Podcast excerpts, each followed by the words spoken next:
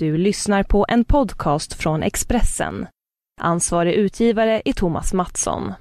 Fler poddar hittar du på expressen.se podcast och på iTunes. Hej! Hej! Läget? Jo, det är bra. Eller liksom... eh, Det är så här... Jag är så, eh, jättetrött och vet att du är det också. Ja, men jag är inte trött. Jag är, jag är mer som att jag är på gränsen att bli psykotisk. Okej, av eh, trötthet. Ja, eller liksom jag har lämnat det stadiet. Jag är något annat. Jag. Jag sitter här rätt och ler. Jag Också att jag faktiskt är naken. Alltså det är den på riktigt. Jag, Är du naken på Ja. riktigt? eh, Okej. jag badade ju precis. Ja. Jag eh, har faktiskt också precis badat därför att jag har precis gjort en lus, ehm, en avlusning på mig själv. För jag ehm, har haft löss. Jag förstår. Det är så intressant att ha barn därför att man Vissa saker är så tidlösa med barn att det är så här, eller hur? Att det är Ja, så här, verkligen. Det känns som så här, någonting ur julkalendern nu, att, när du berättar det här. Att det är så här, förr i tiden så... Men exakt, men Ja. så här var till exempel min dag förra veckan. Började med att min son kastade in en boll, pangade en ruta. Gammaldags. Sen hade vi löss liksom. Alltså det var så som att vi var så skitungar ur Dickens. Jag lever som en sån... Var det mysigt? Alltså var det, var det stämning? Ja men alltså grejen att jag eh, måste faktiskt på riktigt säga att jag har så jävla kul med dem. Eh, och älskar att vara med dem. Och typ, vi har typ svinroligt hela tiden. Men jag är också jävligt trött. eh, och vissa saker är jobbigt. Som har- för att de har, att de har gett mig löss. Eller jag hoppas att det är de som har gett mig löss. En komisk sak hade varit om det var jag som hade gett dem löss.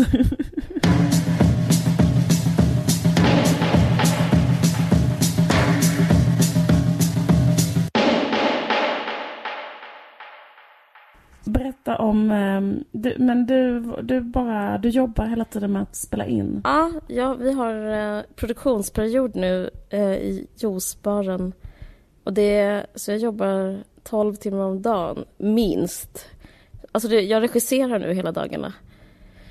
Och det är väldigt speciellt. Jag kommer ihåg när jag jobbade i fiskaffär, så varje gång jag slöt ögonen så såg jag bara en massa makrillar. Mm. Pepparrökt, paprikakryddat, ja sådär. Jättemycket. Och nu är det samma sak fast med... um, jag jobbar så mycket så att jag liksom, varje gång jag pratar med någon, som nu, så känns det som att vi eh, håller på med repliker. Ah, Så jag bara, det är typ som att jag vill säga till dig, skulle du kunna säga det om löss fast eh, ta ner det lite? För då tror man mer på det. mm, För det är så jag håller på hela dagarna. ja. Och sen så när jag pratar med min pojkvän sen på kvällen så är det som att vi fortsätter någon sån, en sån, ah, rätt så dåligt drama. Alltså typ ett rätt så lågintensivt dåligt drama. Men du sa att du skulle handla. Nej, jag trodde du skulle, alltså helt menings... Men det är väldigt speciellt att gå omkring med det. Ehm, men för, så mitt liv består av det. Fast det är helt underbart. Det är faktiskt det mest fantastiska jag någonsin gjort. Jag har gjort det här en gång innan när vi gjorde vår pilot och det var också Ja. helt fantastiskt. Och eh, det är liksom, eh, jag, jag, jag förstår varför det är det mest populära yrket, eller liksom, att det är yrket är så hög status att vara regissör. För det är så jävla, jävla, jävla kul. ja. Det är så jävla underbart. Jag liksom, jag känner så här tacksamhetskänslor hela tiden. Eh, och det Jag påminner fattar det. också Eh, det om när jag blev, fick mitt barn. Alltså Mm. det är ungefär samma grej, men det känns nästan som jag är lyckligare nu än när jag födde barn. För att det här är typ som en... Jag tänkte att det är liksom en kvinn... Kvinnor, alltså det så här, förlåt, måste sortera lite. Så här, när vissa tjejer så här, går och drömmer om bröllop och kanske barn och sådär. Mm. Och jag kommer liksom aldrig in i de tankarna innan det hände. Och jag blev jätteglad när det hände, när jag liksom eh, fick barn. Men det här är liksom någonting som jag har laddat för hela livet. Så det är bara liksom som en sån e-tripp som bara varar dag ut och dag in av liksom ren och skär lycka. Det är som jag får vad jag vill. Väldigt speciellt att få vad man vill. Ja, ja, ja. Det är helt underbart. Okej, du tycker inte typ det är läskigt att få vad man vill? Nej, alltså innan, jag tror faktiskt jag inte fått vad jag vill innan. För innan jag fått vad jag vill så brukar jag ofta få komma direkt till antiklimax. Men jag, jag är bara i klimax hela tiden. Det bara fortsätter. Typ som när jag gav det ut min som- bok. Då fick jag, då, Ah. då fick jag liksom en massa sekundära tvek, tveksamma känslor, massa ambivalens. Och när jag födde barn fick jag också massa liksom, tvivel på mig själv, inte på mitt barn. Och sådär. Men nu så är det bara som att jag är i totalt klimax hela tiden. Eh, jag tror det handlar om kontroll. Jag kan liksom kontrollera hela min verklighet. Och det liksom är totala motsatsen till ångest. Det är liksom helt fantastiskt. Mm. Och att jag typ så här, igår så var Rebecca och Fiona spelade de helt underbara... De är, de är så... jäv- Rebecca var med i Sune Sommar. Hennes mamma heter Mag- Marianne Scheia och också skådis. Så att liksom hon, hon var så jävla bra skådis. Och, och eh, Fiona var också så fruktansvärt bra. De spelade att de eh, hade två tjejer som har börjat liksom hålla på med häxkonst. Och de gjorde det så himla, himla övertygande och bra. Eh, och sen så födde en eh, tjej, alltså det här i manus och allting, på eh, juicebaren. Det var också jättebra. Och idag var liksom Nina Gung, såg du Skilda världar? Ja, visst. Ja, eh, bitchen eh, som tog över efter Jessica Sandén, Nina Gunke. Ja. Eh, hon, hon var där idag och spelade så fruktansvärt bra. Eh, Melinda Kinnaman var där idag. Evelyn Mook var där idag. Nästa nya stjärna som heter Karin Frans Charlof som spelar i Pernilla August film Allvarsmanleken. Hon har hu- huvudrollen, spelar Lydia. Hon var, hon var där idag och spelade en fantastisk roll. Alltså det är bara liksom... Och igår så grät en skådis. Jag fick en skådis att gråta. Förstår du? Hur är du som regissör? Är du så här... eh, Tommy är, är X du- säger att jag är i särklass Sveriges bästa. Det är jätteläskigt, det måste jag säga. Allt beröm. Mm. Där pratade jag och Kristoffer om en som spelar eh, en roll. Att varje Mm. gång någon säger något snällt så blir man så himla, så tror man aldrig på det för att man blir så paranoid. Mm. För att he, allting bara går... Alla tjänar på att alla människor mår bra på sätt. Så därför Ja. är det så extremt mycket fjäsk i luften hela tiden Aha, och i mm. omlopp. Man bara, du är så bra, det där var bra, det där var amazing. Ja, och tack för att du finns och typ, du är i särklass bäst i Sverige. Sånt håller man på med Ja, hela ja. tiden. Vi planerar för Kristallen, talet, allt sånt där. Så att man tror liksom inte på någon. Man blir liksom så himla skitsad. Och jag tycker att man kan se det på så här om du typ, hur, du vet hur en gammal skådis är. Att de är så himla... Eh, de vill bara ha bekräftelse men samtidigt är de så himla så här nerviga och konstiga för att man blir så rädd att alla bara ljuger för en. Eller, och så vill man hela tiden veta, är jag bra på riktigt? Och, alltså det är en väldigt konstig bransch på det viset. Så jag känner mig här jättenojig. Så att alla säger att jag är bra, men jag vet inte om jag är det. De kanske bara vill ha ett jobb nästa gång också. Jag vet inte. Alla är så här, vi måste jobba mer, säger alla som bara gästat. Du Det vet. är underbart. Det är underbart, Ja. men eh, säger inte folk sånt till dig också? Typ? Vi borde göra något ihop. Så kanske de bara vill ha ett... De kanske bara är rädda om sin frilanstillvaro. Jag tycker det känns så läskigt. Ja, fast jag tror det är mycket, mycket mer om man är regissör. För då är man mer, mycket mer konkret. Jag hade ett så samtal i, ehm, Mm. på Malmö stadsteater i helgen med Ada Mm. Berger som har regisserat eh, Blod och eld och den här... Då hade vi ett ganska intressant samtal om att vara kvinnlig regissör. Ja, Eh, För hon är så här kvinnlig teaterregissör. berätta, vad tycker hon om det? Ja, men det var så intressant för att vi hade liksom ett upplägg där det heter så fördjupning, typ en sån här. Då sitter man, bara folk som har jobbat med en pjäs, alltså det, det kommer publik men så sitter typ kanske manusförfattaren och regissören sitter och pratar med varandra, typ ställer frågor till varandra. Just. Lite som en podd faktiskt. Eh, Men då hade jag hittat på frågor till henne och hon hade hittat på frågor till mig. Men då hittade jag, hade jag en fråga till henne som var så här, typ, för att väldigt mycket av det vi tar upp i den där pjäsen är så här, så här, olika slags um, sätt att vara kvinna eller så här. Och då är det typ väldigt mycket som handlar om att eh, kanske typ så här bejaka eller serva eller curla eller vara omsorgsfull eller vara moderlig eller vara ett objekt typ.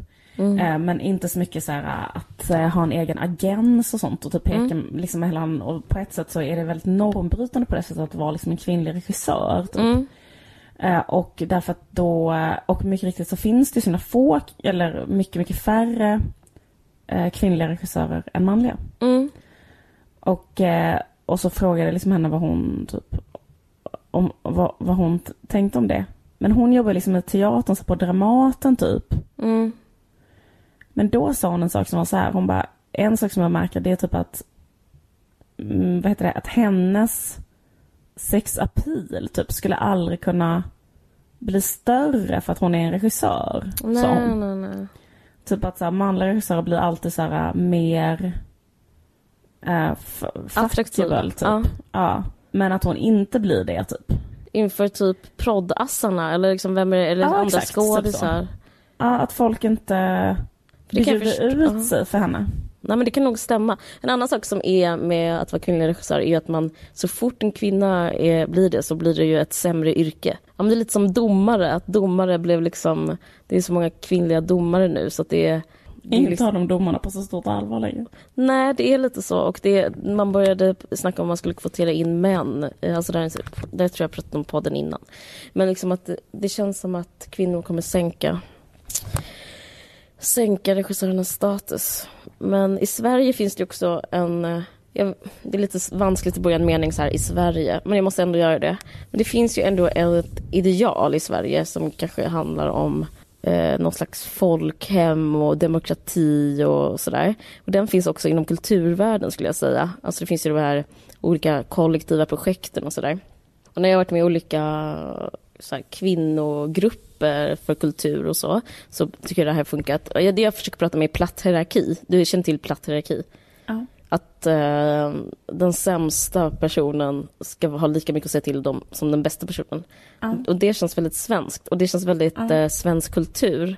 Och du vet David Fincher, han som gjorde Stig Larssons fil- filmer, han kom hit och gjorde, han berättade att han, tyckte, han var så chockad eh, när han kom hit och gjorde den här Girl with the Dragon Tattoo, att det är så att alla hela tiden var kränkta på sätt. Att det var så typ att en proddas liksom var hela tiden också skulle typ ha en säg vad, hur man skulle liksom göra nästa scen. Ja, alltså. Och så, så tycker jag det är rätt så mycket. Och därför tycker inte jag det blir så... Jag upplever liksom inte att regissören är så, så här, klassiskt manlig heller. Att man, Nej. jag, jag, jag, jag kan inte vara en sån jävla diva som så här eh, pekar med hela handen. Och till exempel idag, det, händ, det här var en riktig grej. Jag, jag blev arg, inte arg, men jag, jag saknade naturella cashewnötter istället för så här sockriga såna aprikosbitar eh, som snacks. Mm. Det, och det liksom gick inte alls hem, förstår du vad jag menar? Mm. Så så tror jag det är att vara en kvinnlig regissör och, och kanske faktiskt att bara vara regissör i Sverige. Att, att det liksom inte, det idealet är inte att vara en diva utan det Det är så här, du ska fan inte tro exakt. eh, att du så här, är bättre än mig eller... Ja. Ja, men jag förstår. Det kan jag, det kan jag verkligen tänka mig att det är så. Precis. Men jag kan tänka mig att det faktiskt att det är mer så när det är... Alltså det vet jag så kompisar jag har som är kvinnliga läkare, alltså man Mm. är kvinnlig läkare och att de har mycket mer problem med manliga sjuksköterskor än vice versa. Alltså en Mm. manlig läkare med kvinnliga sjuksyrror.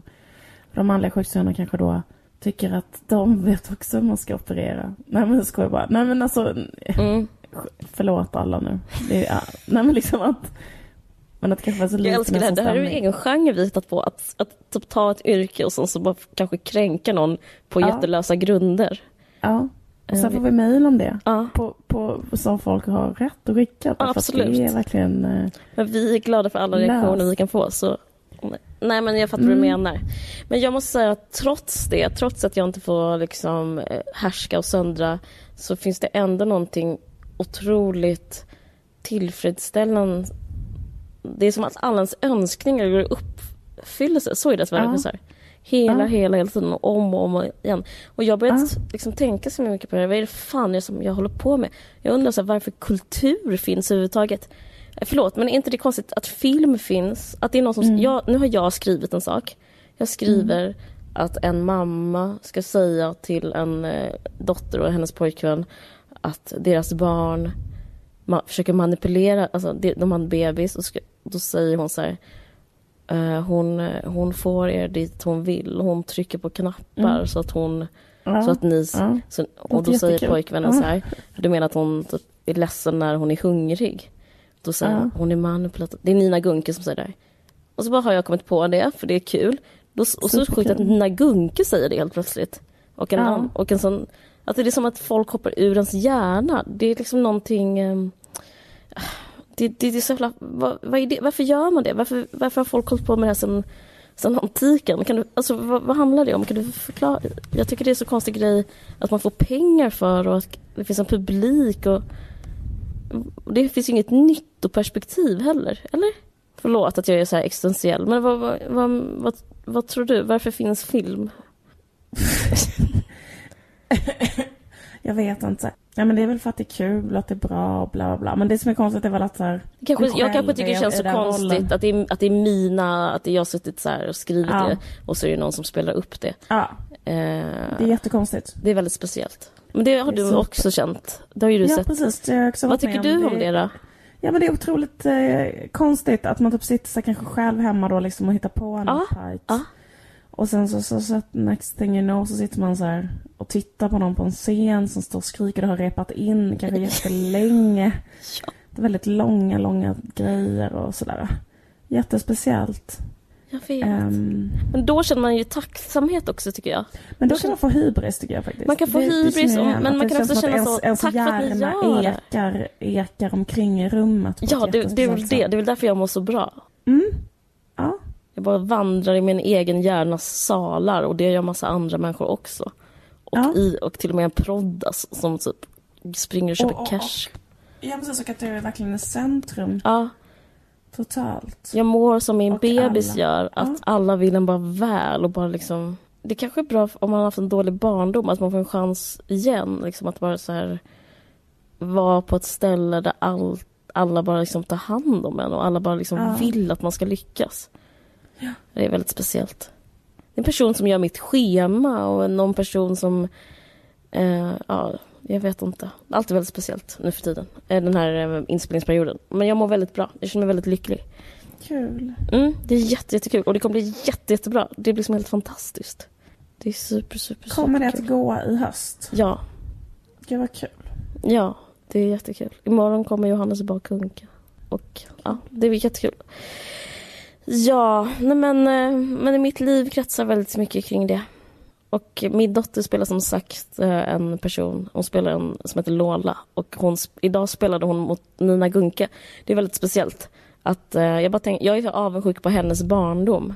Och jag tänker liksom att, vi pratade om det lite på sätt, att hon kommer liksom bli som vad Kristin Kaspersson var för Lill-Babs och Lasse Berghagen. Min dotter kommer typ leda Nymo och kanske bli ihop med någon heter, Hans Fahlén typ, eller hur? Ja, nej. Hoppas inte. det? Nej men jag menar bara någon heter än Hans Fahlén. Ja, bra. Ja, ja, ja, men, det, det är jättekul. ja, men det är rätt så kul. Jättekul att hon kommer leda Nimo. Gud vad kul. Ja, men det, Jag kan se det. om man är Hon typ så har här the face for it också. Ja, men precis. men, det, men det känns så deppigt att det är det som kommer hända. Att det liksom, hon kommer vara så himla så inne i businessen så hon kommer vara trött på den redan. Precis, det finns ju vissa som, eh, som gör något helt annat. Det finns ju de här, typ hon är fucking Åmål som blev barnläkare och sånt. Ja, precis. Och Tjorven är ju professor på min gamla skola till exempel. Ja, men jobbar ändå med drama. Eller hur? Ja, men hon är liksom ändå inne i den akademiska hållen. Hon har ju inte fortsatt vara Tjorven. Nej, just det. Hon är inte professor i Tjorv. Nej, just det. Nej, men det, är- det är bra.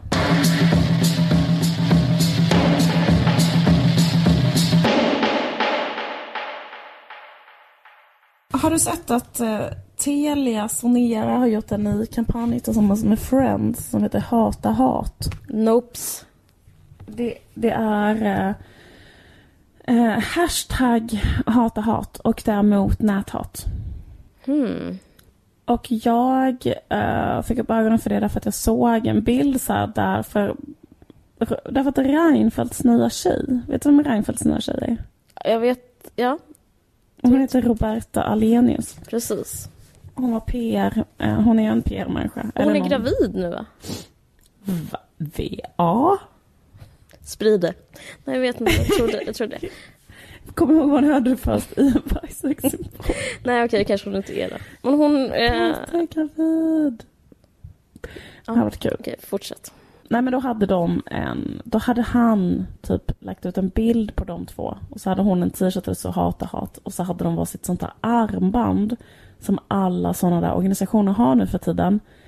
Du vet ett sånt pärlarmband med bokstäver. Ja, det är så infantilt stil. Exakt, det kan stå fuck cancer eller något liknande. Ja. Och nu står det då hata hat, så hade de såna likadana och stod så här och höll om varandra typ. Vilken icke-kampanj, eller vill säga icke-ställningstagande. Ja, Men verkligen. vad, vad, ehm, vad är dina känslor? Jag har inte alls hängt med, så jag vet liksom ingenting om det här. Nej, men jag tyckte att det var så intressant därför att de har också gjort, jag, jag bara tänkte så här hur, eller så här, det är så speciellt det här vilken vändning på något sätt den här debatten om näthat har tagit. Mm. Eh, och att jag tycker det här var liksom det sjukaste exemplet på hur man liksom har börjat ha den debatten eller hur man har liksom formulerat problemet eller vad det är som pågår. Ja.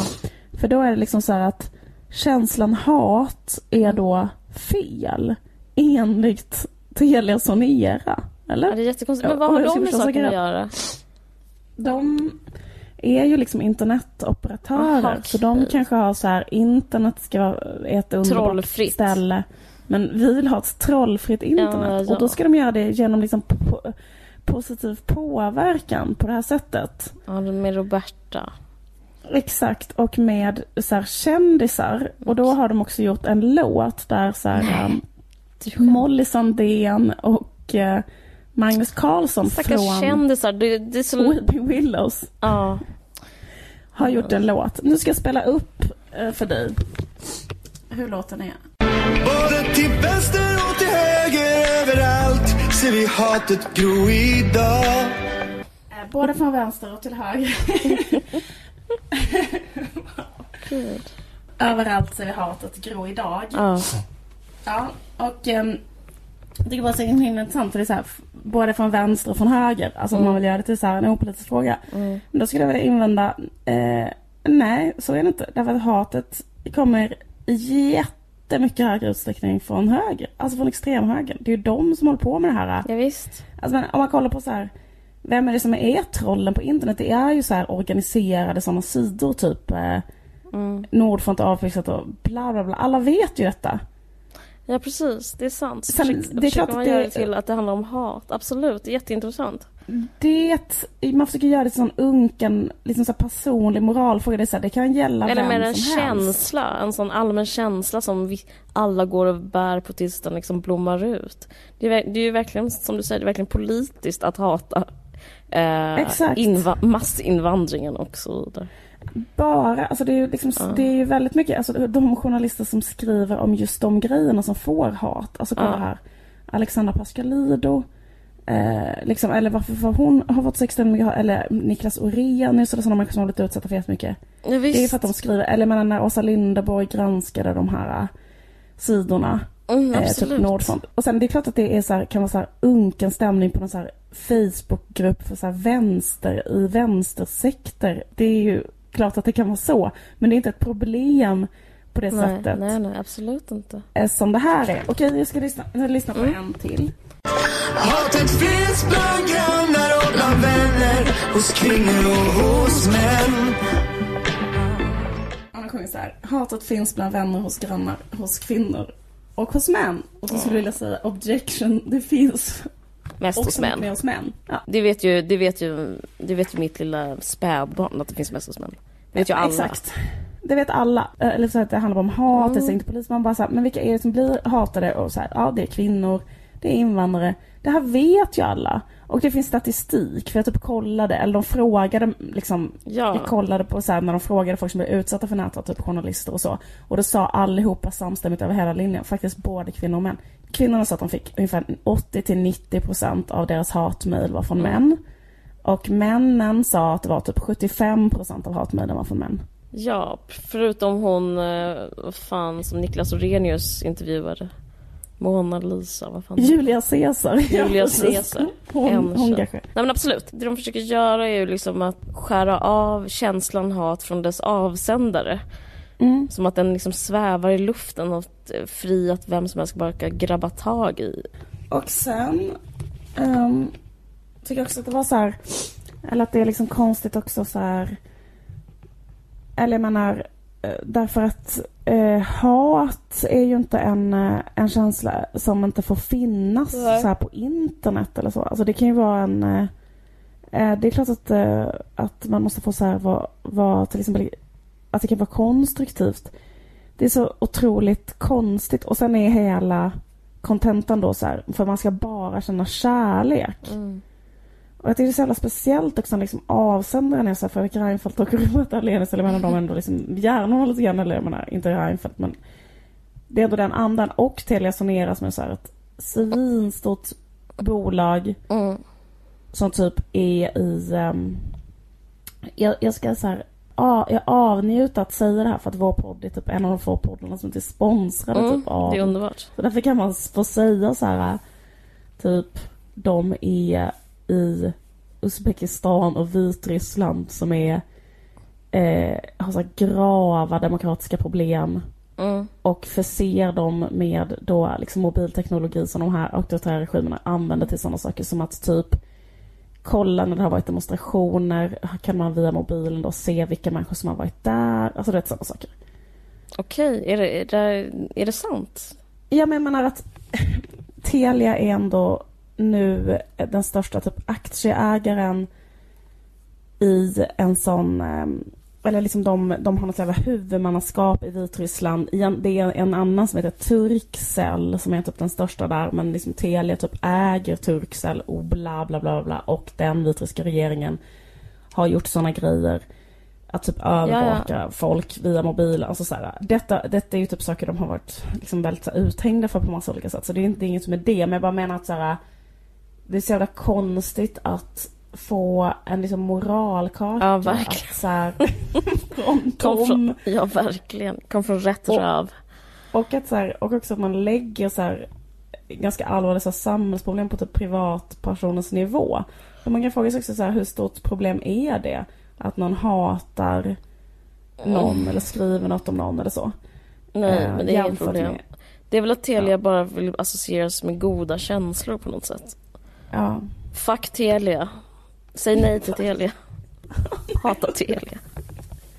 Hata. Hashtag hata det. Nej, vad man inte göra. Men det var eh, bara... Det, Extremt det... bra gräv. Uppiggande. Vad tycker du? Ja, kul. Eh, får jag byta samtalsämne? Japp. Eh, jag har börjat läsa Camilla Läckbergs och Sim- Simon Skjold. Jag vet inte hur man uttalar hans namn. Man uttalar inte det. Nej, ska jag bara. Simon Skölds blogg. Ja, det är så svårt att efternamn. Det måste vara Eh, Skjold. Eh, precis. Nej men Deras blogg. deras blogg, Ja, vad kul. Jag läste också den. som mamma, som jag själv är, Mm. eller som vissa säger mamma, eh, så det är inte så Mm. konstigt jag går in på den sajten, för då, då läser jag Eh, alltså man kan faktiskt säga, jag gillar inte det uttrycket, men man kan säga att jag hatläser den sajten. Mhm. Att jag läser den liksom med en slags obehag, man kan liksom inte låta bli ändå. Men det som är grejen, jag måste säga en sak om det innan jag säger någonting annat. Jo, det är det här. Min spaning om dem är, de har reclaimat ett ord, jag vet inte om du har tänkt på det här, men det är så grovt av dem. Alltså jag förlåter dem allt, men inte det här. Och det är att Camilla Läckberg som är ihop med Simon Sköld, eh, hon är kanske 39, han kanske är 26, jag vet inte. Det, det är helt lugnt. Eh, det, det är oftast det som är taken på deras Jag blev förhållande. kände att du ville nämna det. Ja men precis. Men, jo men jag nämner det för en anledning. Mm. Mm. De, eh, det har gjort att hon har unnat sig, och han också, de har unnat sig att kalla sig stjärnfamilj. De har, de har tagit... Så de kallar sin familj vår lilla stjärnfamilj. Jag tycker det är så grovt. Stjärn, ja, det, de liksom har tagit bögarnas och de lesbiska och typ transpersonernas... Alltså queer, Alltså- just det, queer communityt. Precis, eh, precis. Det är ju precis, det, Eh, det typ är att- jättekul. Det är jättekul, men alltså det är sån jä... some nerve. Men- Alltså gå in och kolla även på Insta. Då är det då att Camilla Läckberg har omdefinierat begreppet som är att hon har eh, barn från tidigare äktenskap. Och då ska hon liksom jag tycker det är så grovt för att liksom det är väl det som Det är det enda mysiga med att vara så utanför normen och eh, bara acceptera alltså liksom, då, då kan man, att man får kalla sig stjärnfamilj. Det är ju liksom att göra försöka göra något fint av någonting som de, normen inte uppskattar. Och nu så, hon, le, hon bor liksom i en villa i Enskede. Hon är heterosexuell och ihop med en heterosexuell man. De är förlovade och fått ett barn. Och de, eh, Och det är de en stjärnfamilj. det är en stjärnfamilj. Men precis, för att jag tror att det hon syftar på är att hon har då eh, barn från tidigare förhållanden och att hon då kanske är vän med Jag vet, men, men det är en hbtq-grej. Alltså, hon, Jo, visst är det det. Och, och, och också... Det är som jag ska säga också- att jag är så, har sån soul, att jag äter soul food till exempel när jag äter kanske ris. Jag förstår vad jag Ja. menar. Det är så, det är så jävla kulturell appropriering. Ja. Jag rasar. Bra åsikt. Jag, ra, jag rasar. Jo, jag tycker du, du, du har helt Men, rätt. men har du det- inte tänkt på att hon har sagt, jag bara tycker väldigt låg ribba för stjärnfamilj.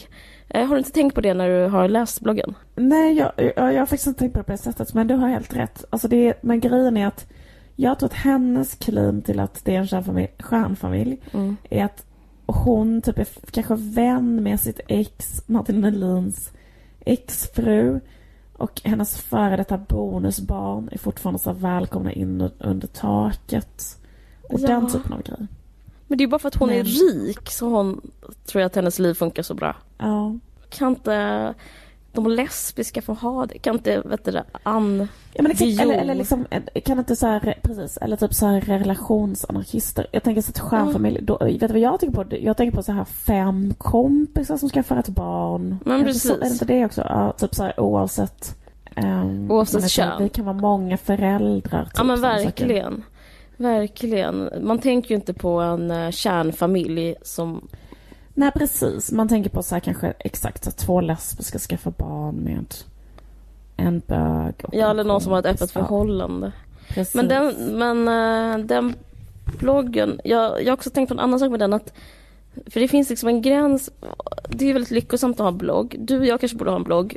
Vi kommer inte ha det, men vi borde jag kanske ha det. bloggar var ute så jag blev så förvånad. Men det är inte bloggar. det. Det är inte det. Nej, gud vad kul! Varför har vi inte en blogg?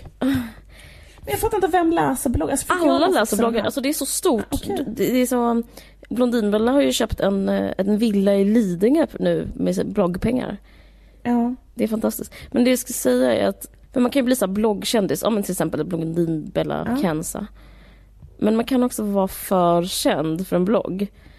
Och det, jag, men, jag har verkligen studerat Camilla Läckbergs blogg och hon skulle jag säga, det är, henne, det är inte bra för henne att ha blogg för att du vet när man blir för känd, ja, men som vi pratade om precis det här med att vara regissör eller se sin pjäs sättas upp Mm. eller sådär. Hennes böcker har översatts till tusentals språk, bla bla bla bla. bla. Eh, hon har svin mycket pengar. Eh, Ja, men det är som är roligt, för jag, Ja. hon måste ju bara göra detta för sitt eget höga nöjes skull. ja, precis. Alltså, hon är ju förmodligen alltså, ekonomiskt oberoende för generationer framåt. Alltså, att Ja. hon och hennes barn och alla liksom så här, Och hon har allt hon kan sig. Ja. Hon skulle egentligen bara kunna sitta och skriva liksom bara sina helt vanliga böcker. För jag tycker just den där grejen är ganska låg status att tvingas hora ut så här jätteprivata grejer och visa bilder från förlossningen. Så konstigt. Men hon vill ju göra det för att... Ja, men hon borde den inte göra det, för hon är för känd för det. För att, jag, Ja. för att hon, för om man är så känd som hon är, det är som Madonna-vibb nästan, Mm. då kan man ju inte ta kritik. Det vet, alltså, det vet både du och jag, att man, till slut så blir man dålig på kritik. Mm, mm. Och hon eh, är för känd för kritik. Så att, och i bloggar går ju ut på, din kommunikation med läsare, då är det någon som säger en kommentar. Mm. Och sedan sen kanske så här, jaha, jag trodde att ni skulle eh, typ inte använda så mycket barnvagn till exempel. Mm. Jag vet. Och Då Jag vet. klarar inte hon av det, för då är hon kränkt in i märgen. Så att hela hennes blogg är som svar, frå, alltså ett svar mot en kommentar. Alltså de har hakat är upp mycket sig. så att man alltså skriker så här, hur vågar ni? Typ. Så, sån stämning är det hela tiden. Mm. Hur fan kan ni... Ja, hon är för kränkt för en blogg. Eller för känd för en blogg, om du förstår vad jag menar. Men jag tror det är kanske för Simons skull, för att han ska ha något att göra. Jag har också tänkt den tanken att det är för att han ska ha Känna läsare till sin blogg. För han har haft en modeblogg innan tror jag. Men att det här är liksom ett gemensamt... Men jag tycker att det är så att man scrollar igenom hans inlägg för då, man vill ju läsa bara hennes inlägg tycker jag. Ja, gud ja. Verkligen. Har du tänkt på att de skriver ha ha ha med, med mellanrum? Det är jag med. Ah, jag tycker det känns läskigt.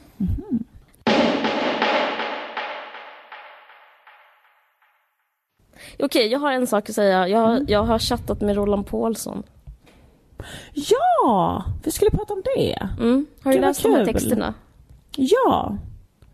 Ska jag berätta för... eh, det började ju med att Lena Andersson skrev en... eh, Ja, du får jättegärna recappa den. Det känns som du är bättre Ja. på det. Exakt. Lena Andersson skrev en... eh, vad heter de texterna som hon skriver? Är det en krönika? Ledare. ledare. En ledare. Eller en, en text helt En enkelt. krönika, för hon skriver både le- ledare och krönika. Det här kanske var en krönika. Hon skriver Det var i alla fall en åsiktsdriven text som gick ut på att det var fel att betala skatt. Eller den liksom drev tesen att eh, det inte mm, liksom, vad heter det, naturligt Det är inte säga. skatteparadiserna som är fel och det är inte Nej, skattebetalarna som har fel utan det är Skatteverket. Men vet du vad jag tänkte när jag läste den? Får jag Nej. bara säga. För jag tyckte det var så himla, himla kul. Jag bara skrattade när jag såg den. För att jag tänkte så att det är så roligt. Att jag, kan, jag kan förstå henne. Så här, för att jag tror att det som har hänt med henne är så här att hon typ har ju innan skrivit, hon har bara skrivit lite böcker och du vet hon har skrivit Mm. så här böcker som handlar om religion. Att, du vet så här, saker som ingen bryr sig så jättemycket om. Mm. Sen fick hon de här jättestora, verkligen smash-hitsen. Mm, Egenmäktighetsförfarande precis. och utan personligt ansvar. Och då måste hon ha känt så mycket deg. Mm. Så jag tror att vad som har hänt är att hon typ sitter hemma nu bara och kollar på den bingen pengar och tänker så här. Varför ska jag ge det här till Skatteverket? ja. Och liksom bara ha en så, Så jävla stark känsla. Att det liksom bara är så här, nej. Liksom, för att hon för första gången typ har pengar. Och så det, var det så himla, tycker jag, rörande och loll. Därför att hon började liksom jämföra sig själv då, eller underförstått, vad jag tror handlar om henne själv, eh, med Spotify-grundaren. Typ att hon var så Spotify-grundaren Daniel Ek. Mm. Så här, hallå där, Spotify-grundaren vill lämna landet för att han blir skattad till döds. Mm. Eh, ska sådana människor, du vet, och så, och så tror jag att hon liksom på något sätt skriver in sig själv i samma så här, att det är också handlar om henne. Ja. att hon börjar se sig själv som Spotify-grundare. Men det, det som är, det, Lite Astrid Lindgren Pomperipossa-vibe typ. ja men kanske, att när man väl får det problemet själv, alltså att man tjänar väldigt, väldigt mycket pengar. Ja, Det är väl då man börjar märka det. det är då man börjar tjura. Ja men det är då man börjar liksom tänka så här, det är väl då man börjar tänka så här, Brev. Sådana som jag, det är sådana som jag som bygger landet. Sådana som jag och Daniel Ek. Ja. Eh, sådana som jag och Spotify-grundaren. Men det här jävla sosselandet kväver oss, typ så. Och fast det är kul att de börjar sig själv som Daniel Ek. För jag kan tänka mig liksom, hur mycket pengar Daniel Ek har. Det kan ingen av oss ens liksom. Ja. Nej, och att de är säkert jätte, jätteolika på massa sätt. Det är kul. Men så Jag- svarade Roland Paulsson. Precis. Ja. Den där första texten om Lena Andersson har inte jag något att säga om. Vad ska man säga? Mm. Ja, jaha, och H, Ja. typ. Mm. Ja. Men så svarade Roland Paulsson. Men det roliga är, i mitt privata liv så har det orsakat så himla många... Eh, jag har liksom två stycken olika chattgrupper. Mhm. Du vet så att man har så trådar med kompisar. Mm. Och så en med min familj. Mhm. Och i båda grupperna så har det liksom diskuterats i, alltså sen texten kom, om han Mm. är ironisk eller inte ironisk. Mhm. Eh, och nu måste jag höra vad du, eh, bara liksom din tolkning. Ja, men han är 100% jag kan ge facit. Han är ironisk. Ja, han är ironisk, precis. Ja. Han är, men det är jättemånga som tror att han inte är ironisk. Va? Ja. Eh, och han... Eh, så att liksom den texten har blivit som en sån... Eh, vad ska man säga? Den handlar om... Den har liksom ett eget liv. Att, att, för, för den är så konstig. Men jag undrar om den är för, liksom för gammaldags och akademisk för att för den liksom flyger över huvudet på folk. Men jag, bara för att vi skulle kunna prata om det här i podden var jag tvungen att dubbelkolla med honom om den var ironisk. Och, då, och då, då frågade jag honom, för jag känner honom lite. Och eh, vi har ju till exempel bott tillsammans på Almedalen, i samma hus som Ja, du och jag har vi, gjort det. det, vi, vi blev inkvarterade i samma hus. Ja, det var inte så trevligt. Hade trevligt så här. Vi testund. inte honom på det sättet att vi Nej. ringer honom och bor med honom på Almedalen. Nu känner vi Utan- på något sätt. Han älskar Nu, podd. nu, nu hade vi kunnat fira semester tillsammans. Kommer Vi har bokat det. in en vecka denna år i Tosca, detta år i Toscana tillsammans med Paul, The Paulsons. Nej, jag skojar bara. Så är det inte. Men vi... Ja. eh, jag kommer honom på Facebook. Vi brukar kanske skriva så här smickrande, smickrande grejer till varandra och sånt där. Ja men vad kul. Det är mysigt. Grattis. Och det, det var läge att fråga. Eh, jag vill bara kolla innan jag pratar om det här i podden. Den är ironisk va? Så inte jag liksom gör bort mig jätte- jättemycket. För jag blir så Ja, osäker. fattar. För det är så många som, eh, eh, som säger att den inte är ironisk. Och Mm. därför, för alla älskar Lena Andersson så mycket så de vill inte... Han svarar så här, men det, den här frågan, jag har fått otroligt mycket mail för den här texten och alla frågar Mm. samma sak. Är den ironisk? Folk tror att den inte är ironisk. Eh, för folk älskar Lena Andersson så mycket så de vill liksom... Eh, de säger tack för att du fick mig att kunna fortsätta liksom avguda min husgud Lena Andersson. Eh, men då sa han att i och med att han har fått så många mejl så vill han inte... Vad skrev han nu? Så vägrar han svara eh, konkret på den. Så han skrev att han var, jag är 100% seriös. Eh, blinkande smiley, blinkande smiley, blinkande smiley. Roligt va? Ja, men vad heter det? Men jag vill bara Jag tror- säga att den är ironisk. Och, jag menar, och hans, hans svar är ju också att den är ironisk. Ja men det är klart att han är ironisk. Men jag tror att folk missuppfattar det för att de kanske inte känner till honom tillräckligt väl. För att om man vet det så vet man ju att han, eller så här, fattar du vad jag menar? Då tänker man, eller så här, då tänker man så här, jaha vem är nu Roland Paulsson? Han kanske är någon som skulle kunna tycka det här. Du vet. Ja, ja precis. Men det är ju det också att de har haft en beef innan. De har ju ett bråk, de har en bråkhistoria. Ja. Att de har bråkat om det här med arbetslinjen versus fritidslinjen. De är liksom hela tiden Ja, precis, jag googlade det och hon, hon, har varit, hon har varit arg på honom för att han skrev att man bara ska jobba sex timmar om dagen eller vad han Just skrev. det. Att då säger hon att det, det var dumt skrivet och sånt där. Det har hon skrivit på ledarsidan i DN innan. Men vet du vad jag tror faktiskt med Lena Andersson? Det här Nej. tror jag faktiskt är bara helt facit. Hon ska skriva en åsikt, jag vet inte hur ofta, en gång i veckan i Ja. DN. Och det har hon gjort hur länge då? 15 Jättelänge. Och tänk dig att sitta och så här, eh, liksom på ett ganska så här torrt, eh, filosofiskt, lite akademiskt sätt så här, argumentera för någonting. Eh, liksom så kanske hon har gjort hedersmord 89 gånger. Alltså du vet, eller hur? Jag vet. Jag kommer ihåg när hon liksom var sur för att man sminkade sig i Vasaloppet. Alltså det är Eh, här, exakt, hon har alltså, hon- inget. Liksom. Nej, nej, alltså nu så tror jag att hon också spyr på det där. Ja, Liksom. att man sitter och, och tycker någon så här präktig underbyggd vettighet som, som alla ska tycka är så här och som så här svinsnitsigt formulerat och bla bla bla bla. Ja. Det måste ju vara jä- jävligt liksom, hon måste ju känna sig som en ehm, jag tänker på den här novellen av Tove Jansson som är så jävla bra som handlar om en serietecknare som hela, det är jättebaserat på Tove Janssons egen erfarenhet av att vara så här uh, serietecknare i en dagstidning, att hon ska göra en, typ en stripp varje dag. Mm. Och då, eh, eh, vad heter det, handlar det om en serietecknare som bara har försvunnit från jobbet och han har suttit där i 30 år och gjort en sån stripp varje dag och alla älskar den här eh, karaktären. Och är helt jävla tokig i den här karaktären, typ kan inte leva utan den karaktären och så. Och så måste det kännas lite för Lena Andersson, typ att hon sitter så här och gör typ så den typen av så här otroligt välhopsydd spaning, jätte så här torrt, filosofiskt oklanderligt, logiskt, förnuftigt ut, liksom lagd. Och så, tycker, så måste man tycka någonting. Mm. Och nu tror jag att hon bara var så trött på att tycka det gamla vanliga, nämligen hedersmord är fel. Eh, vad är det mer? Kvinnor ska inte behöva sminka sig. Ja, men lite olika så här förnuftiga, logiska resonemang. Exakt, ateismen är bra. Ja, ateism. Exakt. Och Ja, då precis. tror jag att hon bara var så här, vi, jag provar bara för att få gympa min hjärna att se och skriva en argumenterande text att, vi, att skatteparadisen hade rätt eller Mm. så bara. Plus att man sitter och kollar på det där kontot där Esther Nilsson pengarna var. Så Bara, det, det tror jag också. halveras? Men Ja. ett tips för att verkligen så lösa hela problemet är ju att sluta det gigget på DN. För då får hon mindre pengar och då kan hon bli mer så här eh, soft med skatt. Kanske. Hon kommer inte bli så beskattad om hon, om hon tjänar mindre. Ja, precis. Ja precis, så liksom är det problemet löst. Det kan ju inte ge så mycket bra, alltså men om, om hon nu har så mycket pengar behöver hon kanske inte fortsätta på DN. Nej, precis. Ska skriva en text om det här. Ah, gud. Stressande. Men annat som har hänt är att vi har en tiggerska med i vår, i vår scen, i vår serie. Mhm. Apropå, apropå krönikor. För hon, den här skådisen, Mm. eh, som inte ser svensk ut.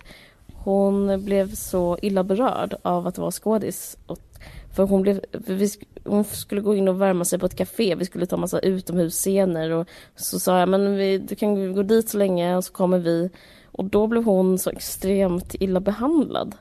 Eh, visst är det speciellt? Alltså, då Var hon liksom utklädd till en tiggare? Typ? Ja, precis. Ja. Ehm, men hon, hon var liksom inte en vit, uh, här blågig person utan hon Ja. så här mörkhårig, lite mörkhy. Så vet ehm, men hon sa att hon skulle, hon kände att hon liksom, att skulle skriva en politisk krönika om det.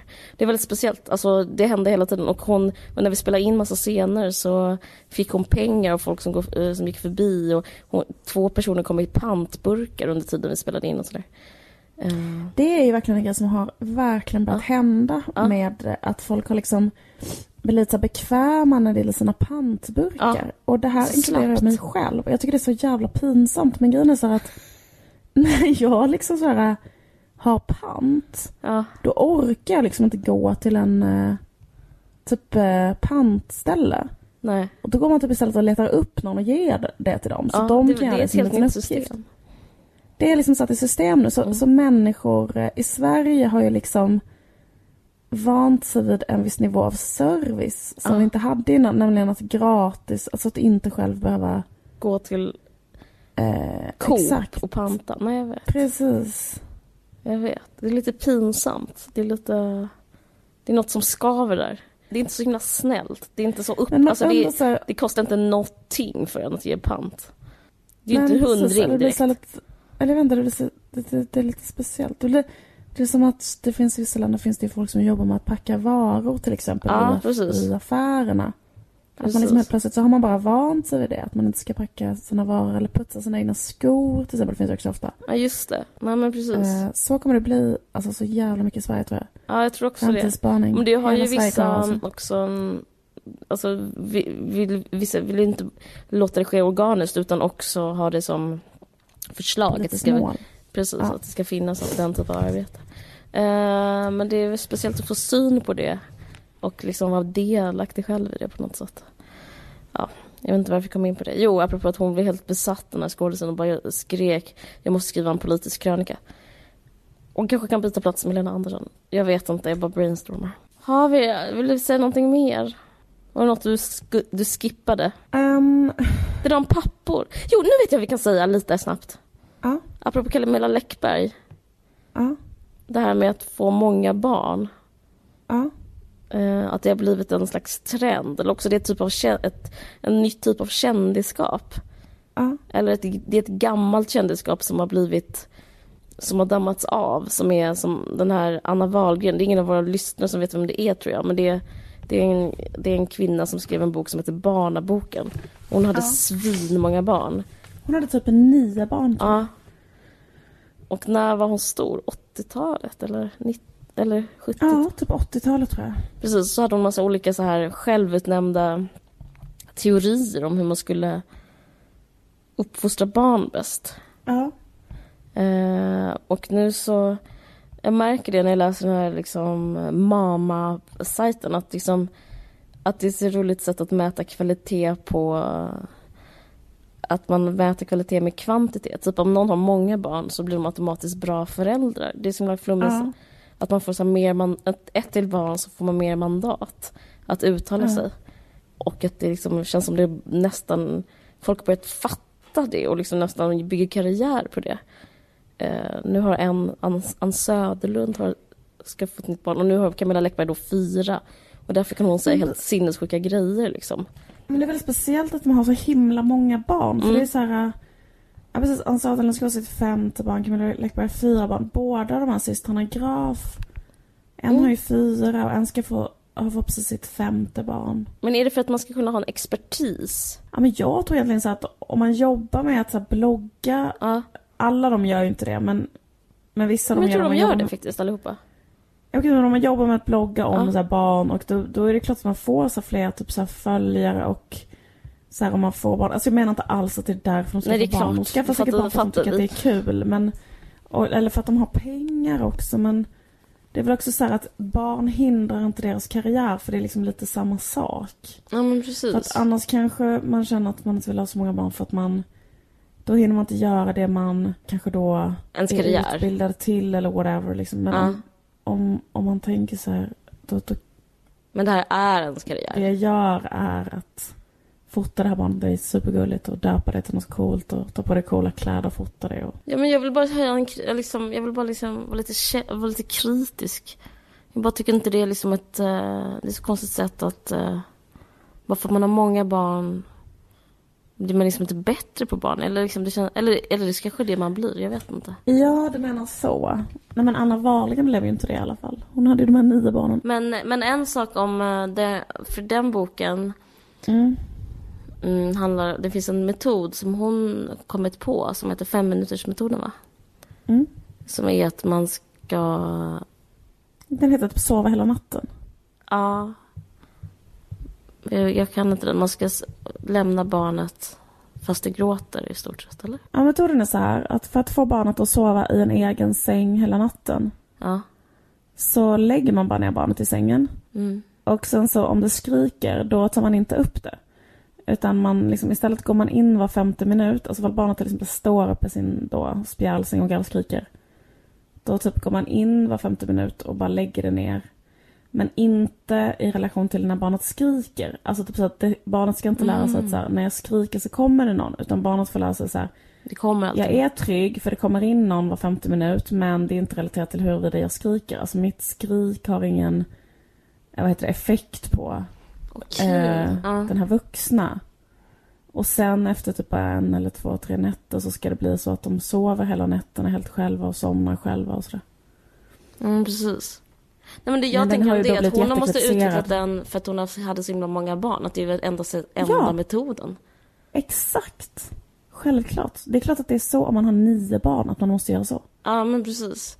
Men det är därför det blir så konstigt att den blir som en, eh, alltså...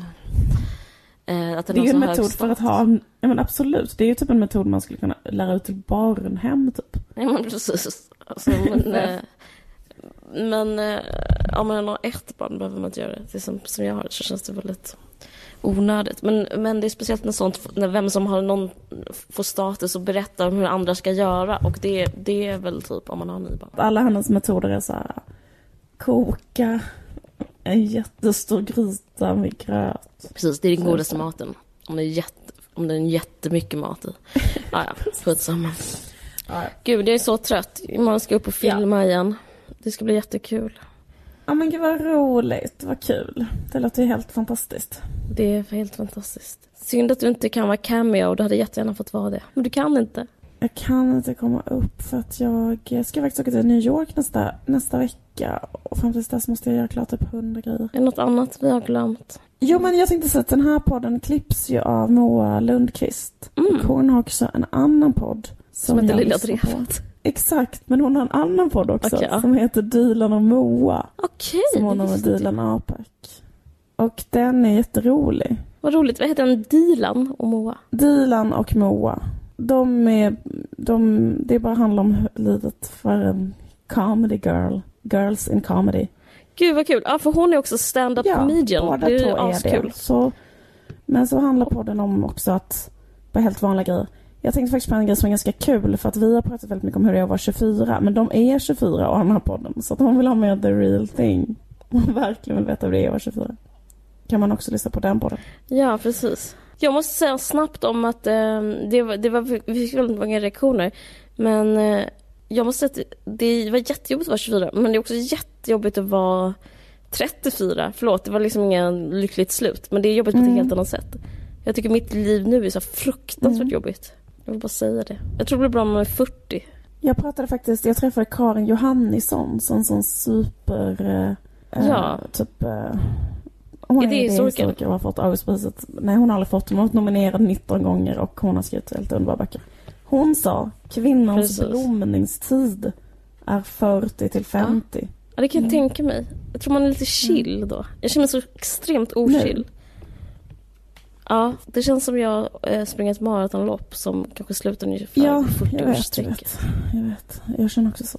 Och, och så är det ju inte när man är 24 för då kan man inte bara ligga i sin lägenhet och liksom bara driva omkring och typ så här vara med kompisar. Det är som ett helt annat tempo. Sen Mm. inträder det här som du och jag håller på med nu som är typ att ha små barn och jobba samtidigt vilket är helt jävla sinnessjukt. Um, Precis. Team Roland Paulsson. Verkligen. Sen efter när vi betjänat pengar, team Lena Andersson. Precis. Ja men tack för att ni har lyssnat. Eh, Okej. Hej då. Ha det bra. God helg. Hej då.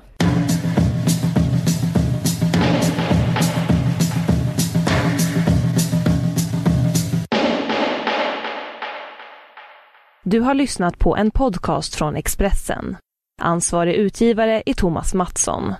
Fler poddar hittar du på expressen.se podcast och på iTunes.